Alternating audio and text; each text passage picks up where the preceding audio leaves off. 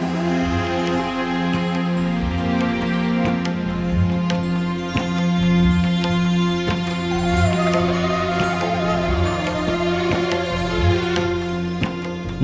7. gecesi. Velayet ufkunun üveyki sonsuza uçuyor. Köyde gün battı batacaktı. Bir önceki geceden yana yağan kar akşama doğru kesilmişti. Gökte kara bulutlar koşuşuyordu. Tahayyüle dalmış gibi düşünceli, hareketsiz iki kumru derviş odasının bacasında öylece duruyordu. Öğleden sonra çıkan lodos akşama doğru hızını iyice arttırmıştı. Değirmen yolu bayırından sürüler köye iniyordu. Çan sesleri, inek dövürmeleri, eşek anırmaları köyü birbirine katıyordu. Çok geçmeden köy karanlığa gömüldü. Toprak evlerin perdeleri kapandı. Köyü derin bir sessizlik kapladı. Bir yanı yarım parlak bir ay, saklambaç oynar gibi siyah bulutların arasında bir görünüyor, bir kayboluyordu. Kış günleri akşamla yatsı arası kısadır. Daha evlerde sofralar ortadan kalkmadan yatsı ezanı okunmaya başladı. Açılan sokak kapılarından paltolarına bürünmüş insanlar birer ikişer caminin yolunu tuttular. Köylüler petrol lambasının loş, zayıf ışığında kardeşçe ve huzur içinde yatsı namazını kılmaya durdular. Lodos'un şiddetini iyiden iyiye arttırdığı mütevazı mabedin duvarlarına dövüşünden anlaşılıyordu. Tavanı ahşap el işçiliğinin en güzel örneklerinden biri olan köy camisinden çıkanlar rüzgarda eteklerini savurarak hayaletler gibi yine derviş odasına doğru hızlı hızlı yürümeye başladılar. Kapalı perdelerinin arkasında gezinen gölgelerin göründüğü toprak evlerden kadın sesleri, çocuk cıvıltıları sokağa taşıyordu. Derviş odasının bulunduğu tepeye doğru patika yoldan tek sıra halinde tırmananlar Sarı Dede'ye duasını okuyarak odaya çıktılar. Oda sakinleri yerlerini alarak Mehmet Hoca'yı beklemeye başladılar. Herkesin aklı biraz sonra anlatılacaklardaydı ama kimse ondan bahsetme salahiyetini duymuyordu kendinde. Herkes her akşam olağanüstü şaşırtıcı ve etkileyici bir resme bakar, bir başka boyuta gider gelir gibi dinliyordu anlatılanları. Sanki herkes yaşananların hikmetinden duyulan bir haşyet içindeydi. Kadı İbrahim, Lodos yarına bir şey bırakmaz, karları eritir, dedi. Aziz amca, sel baskınlarına karşı dikkatli olmak lazım, diye söze girdi. Kar, rüzgar, sel muhabbeti sürerken Mehmet Hoca da geldi. Her zamanki yerine oturdu. Biraz nefeslendikten sonra, hicretin 40. yılında önemli bir olay oldu, diye başladı gecenin sohbetini.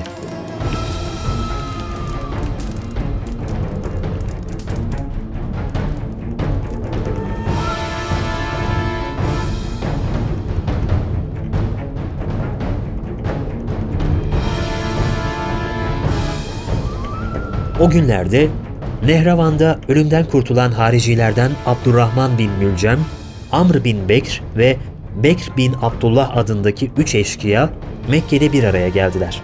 Haricilerle ilgili olayları değerlendirdiler. Müslümanların üç kişi yüzünden çektiği sıkıntıları konuştular. Özellikle Nehravan'da öldürülen haricileri andılar. Dava arkadaşlarının ölümünden sonra yaşamanın manasız olduğunda fikir birliğine vardılar ve şöyle dediler. İnsanları Rablerine ibadete çağırmakta göreceğiniz kınanmadan korkmayın. O kardeşlerimiz öldükten sonra bizim bu dünyayla ne işimiz var? Kendimizi feda ederek doğru yoldan çıkan bu üç kişiyi öldürelim ve İslam dünyasını onlardan kurtaralım. Kardeşlerimizin öcünü alalım. Ümmeti, insanları ve ülkeyi sıkıntıya sokan üç kişidir.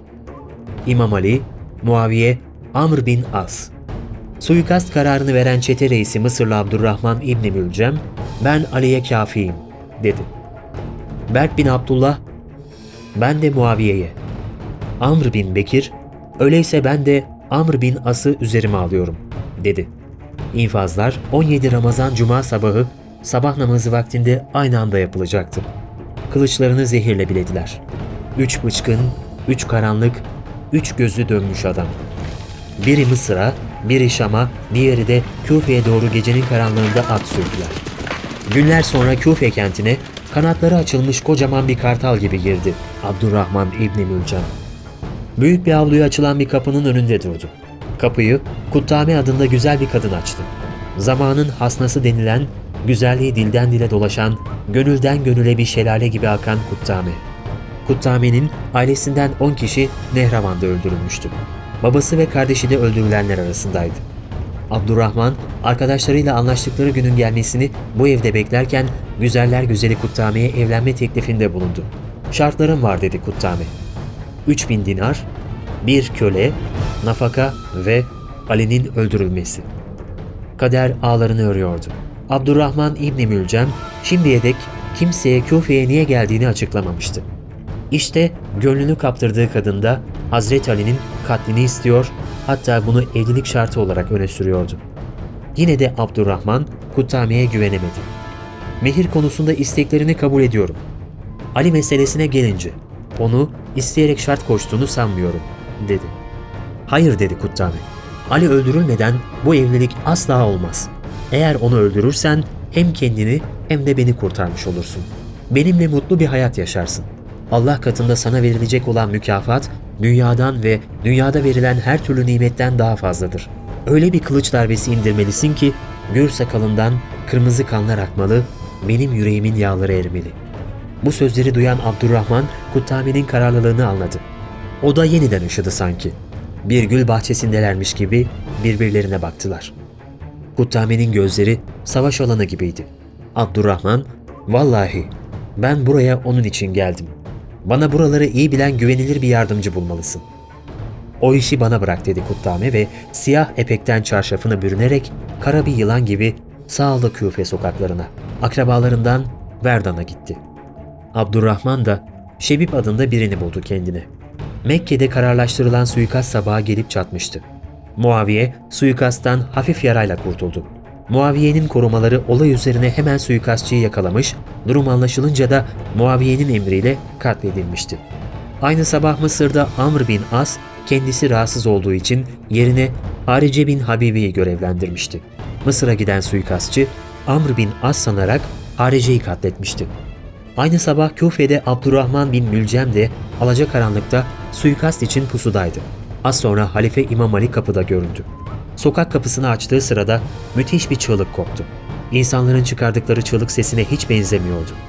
Yerde sürünen karıncalar, gökte uçuşan kuşlar, cümle hayvanlar birbirlerine ağıtlar düzüyorlardı sanki. Oğulları çifte güzeller Hasan'la Hüseyin, Süleymaniye'nin sütunları gibi babalarının sağında solunda yerlerini almışlardı. Bir yanı yarımlaşan ayın ışığı vuruyordu gül yüzüne. Gül yüzü yine gülümsüyordu. İri ela gözlerinde binlerce yıldız parlıyordu sanki. Sabah aydınlığında gidiyordu işte. Peki güzeller güzeli Seyyide Zeynep'ine, gül yüzlü Ümmü Gülsüm'üne bir şey demeyecek miydi? Biraz sonra başına gelecekleri bilseydi, geri döner Zeynep'ini bir kere daha öper koklardı. Zeynep'im, ben annene gidiyorum. Bir şey diyecek misin? derdi. Küfe minarelerinde sabah ezanları göklere yükseliyordu. Bu sesler Küfe halkını derin uykularından uyandırıyordu. İmam Ali tam avlu kapısından çıkarken suikastçılardan Şebip kılıçla üzerine saldırdı. Fakat heyecanla kılıcı kapının sövesine vurdu. Arkasından Abdurrahman İbni Mülcem, ''Ey Ali, hüküm ancak Allah'ındır, senin ve ashabının değil.'' diyerek kılıcını indirdi. Kılıç, İmam Ali'nin kafasını yardı ve beynine ulaştı. İmam Ali, ''Tanıdım seni, sen Mülcem'in oğlu...'' Sözlerini tamamlayamadan yere yuvarlandı. Şebip ve Verdan olay yerinden kaçtılar. Abdurrahman İbni Mülcem'i Hemedanlı birisi üzerine bir kumaş parçası atıp yere yıktı. İki evladı İmam Ali'yi evine taşıdı. Seyyide Zeynep'in Ümmü Gülsüm'ün ağıtlarına gök kubbe dar geliyordu. Güneş Küfe'nin üzerine doğuyor muydu yoksa batıyor muydu belli değildi. Şahı Evliya can alıp can veriyordu. Bu kini köpürtenler kimdi? Katili kolları bağlı halifenin huzuruna getirdiler.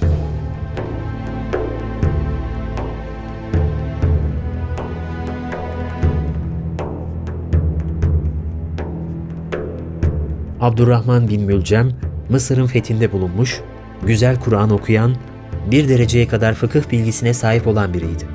Ata iyi binerdi. Bir zamanlar Mısır'da Kur'an ve fıkıh öğretmişti. Daha sonra Hazreti Ali taraftarı olmuştu. Ardından başkent Küfe'ye gidip Sıffin'de Hazreti Ali tarafında savaşmış, sonra da hariciler içinde yer almıştı. Halife Hazreti Ali, "Bunu niye yaptın?" dedi. "Ya Ali, uzun zamandır kılıcımı biliyor ve onunla halkın en kötüsünü öldürmemi Allah'tan diliyordum. İmam Ali, görüyorsun ki sen halkın en şerirlerindensin. Eğer ölürsem öldürün, dedi. Suikastçıyı alıp odadan çıkardılar. İslam halifesinin gülümsemesi solgundu. Acılar iflahını söküyordu. Bir savaşta ayağına bir ok saplanınca acısından çıkaramamışlardı da ''Durun, ben namaza durunca çıkarım.'' demişti. Çünkü o namazda kendinden geçiyordu. Ama bu defa bela oku kalbe saplanmış ve çıkmıyordu. Kıyamete kadar gelecek olan kalp ve gönül ordularının sultanı son anlarını yaşıyor, başından akan kanlar siyah ve gür sakalını kan kızıla boyuyordu. Başından akan kanlarla sakalının sırılsıklam olduğunu görünce hayali yıllar öncesine gitti. Hicretin ikinci yılıydı. Allah Resulü muhacirlerden 150-200 kişilik bir birlikle Şam'dan dönmekte olan Kureyş kervanını takip etmek için Müllicoğulları yurdundaydı. İmam Ali de oradaydı. 23 yaşında bir yiğitti. Hazreti Ali o gün Ammar bin Yasir'le birlikte hurmalıklarda çalışanları seyretmek için yanlarına kadar gitmişlerdi. Bir hurma gölgesinde ikisi de uyuyup kalmıştı. Allah Resulü yanlarına gelince onların incecik bir toprak üzerinde uyuyup kaldıklarını görmüş ve mübarek ayağıyla dokunarak uyandırmıştı. İri ela gözlerini ovuşturan İmam Ali'ye ''Sana ne oldu ey toprağın babası?'' demişti. Böylece ona takılmış ve ona iltifat etmişti. Allah'ın Resulü o gün size insanların en bedbahtı iki adam haber vereyim mi? demişti. Biri Semut kavminin Uhaymiri ki Salih'in mucizesi deveyi boğazladı dedi. Sonra da elini Hazreti Ali'nin alnına koyarak diğeri de ey Ali senin şurana vuracak olandır. Sonra da eliyle Hazreti Ali'nin sık ve siyah sakalından tutarak o yaranın kanından bu sakal ıslanacak demişti. İşte şimdi o siyah sakal sırılsıklamdı. Yüzüne bakmaya kıyılamayan aslan acılar içinde kıvranıyor, çektiği acıya can dayanmıyordu. Ta çocukluğundan itibaren son anına kadar sergilediği duruşuyla hayatı İslam tarihinin şekillenmesinde büyük rol oynayan rol model Kutlu ailenin reisi can veriyordu. Abanın altındaki baba üveyik sonsuz ufuklara kanatlanıyordu. Yanında gözyaşı döken oğullarına, kızı Zeynep'ine, sevdiklerine, dünyada çektiğim sıkıntı, dert canıma yetti. Artık bu alemden ayrılmaya karar verdim. Bu vefasız cihandan sıkıldım. Bundan böyle felek beni perişan edemeyecek. Dünyada sıkıntı çekmeyeceğim artık, dedi. Sonra iki cennet reyhanı oğullarına son nasihatını yaptı. İkinize Allah'tan takvayı tavsiye ediyorum. Dünya sizi çok istese de siz onu istemeyin. Daima hak olanı konuşun ve yetimlere merhametli olun. Kaybedene yardım edin. Ahiret için iş yapın ve azık hazırlayın. Allah'ın kitabında olanla amel edin. Kınayanın kınaması sizi Allah'ın emirlerine uymaktan alıkoymasın. Sonra diğer oğlu Muhammed Hanifi'ye baktı. Ona da iki kardeşine vasiyet ettiklerimi belledin mi? dedi. Belledim babacığım. Sana da aynı sözlerimi vasiyet ediyorum. Hecin develeri uçsuz bucaksız çöllerde kuşlar gibi uçuyordu. Küfe'de olup bitenleri İmam Ali'nin canı soğumadan dört bir diyara ulaştırmak istiyorlardı. Artık ne hicranlı akşam ne ağlayan hazan. İmam Ali'nin çatlayan hayat billurunda öteler tülleniyordu. Geçmişin güzel günleri geldi gözlerinin önüne. Allah Resulü'nün arkasında kıldığı ilk namaz.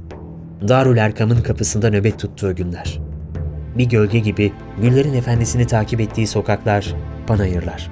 Hicret esnasında Resulullah'ın sallallahu aleyhi ve sellem yatağında yattığı gece. Dünyamıza düşmüş bir huri olan Hazreti Fatıma'yı babasından istemeye gittiği gün. Çifte güzeller Hasan ve Hüseyin'le sonsuz mutluluklara kanatlandığı günler. Bedir'de, Uhud'da, Hendek'te Zülfikar'la gelen zaferler.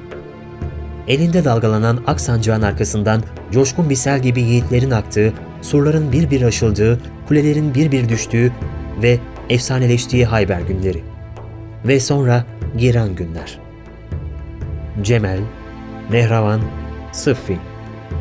Doğuştan mühürlü gözlerini ötelere çevirmişti. Hazansız baharlar çağlıyordu, iri ela gözlerinde. Her biri denizlerden coşkun, güneşten parlak o gözler, o güzel gözler, yavaş yavaş suyu çekilen pınarlar gibi sönüyordu. İmam Ali, yaralarına ve acılarına ancak iki gün dayanabildi. Müslümanların Mekke'den Medine'ye hicret edişlerinin tam 40. yılıydı. Ramazan'ın 19'u.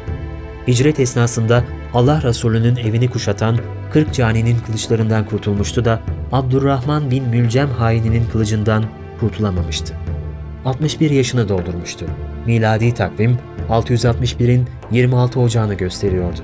Mevsim kıştı. Çöl fırtınaları ortalığı kasıp kavuruyordu. Bu fırtınalar bu defa hiç dinecek gibi durmuyordu. Allah'ın Resulünden daha fazla yaşamak bana yaraşmaz dercesine Küfe yakınındaki Necef topraklarına uzanıverdi. Ondan sonra İslam dünyası sinirlenmiş bir hecin devesi gibi çöktü. Fırtınaların ardı arkası hiç kesilmedi.''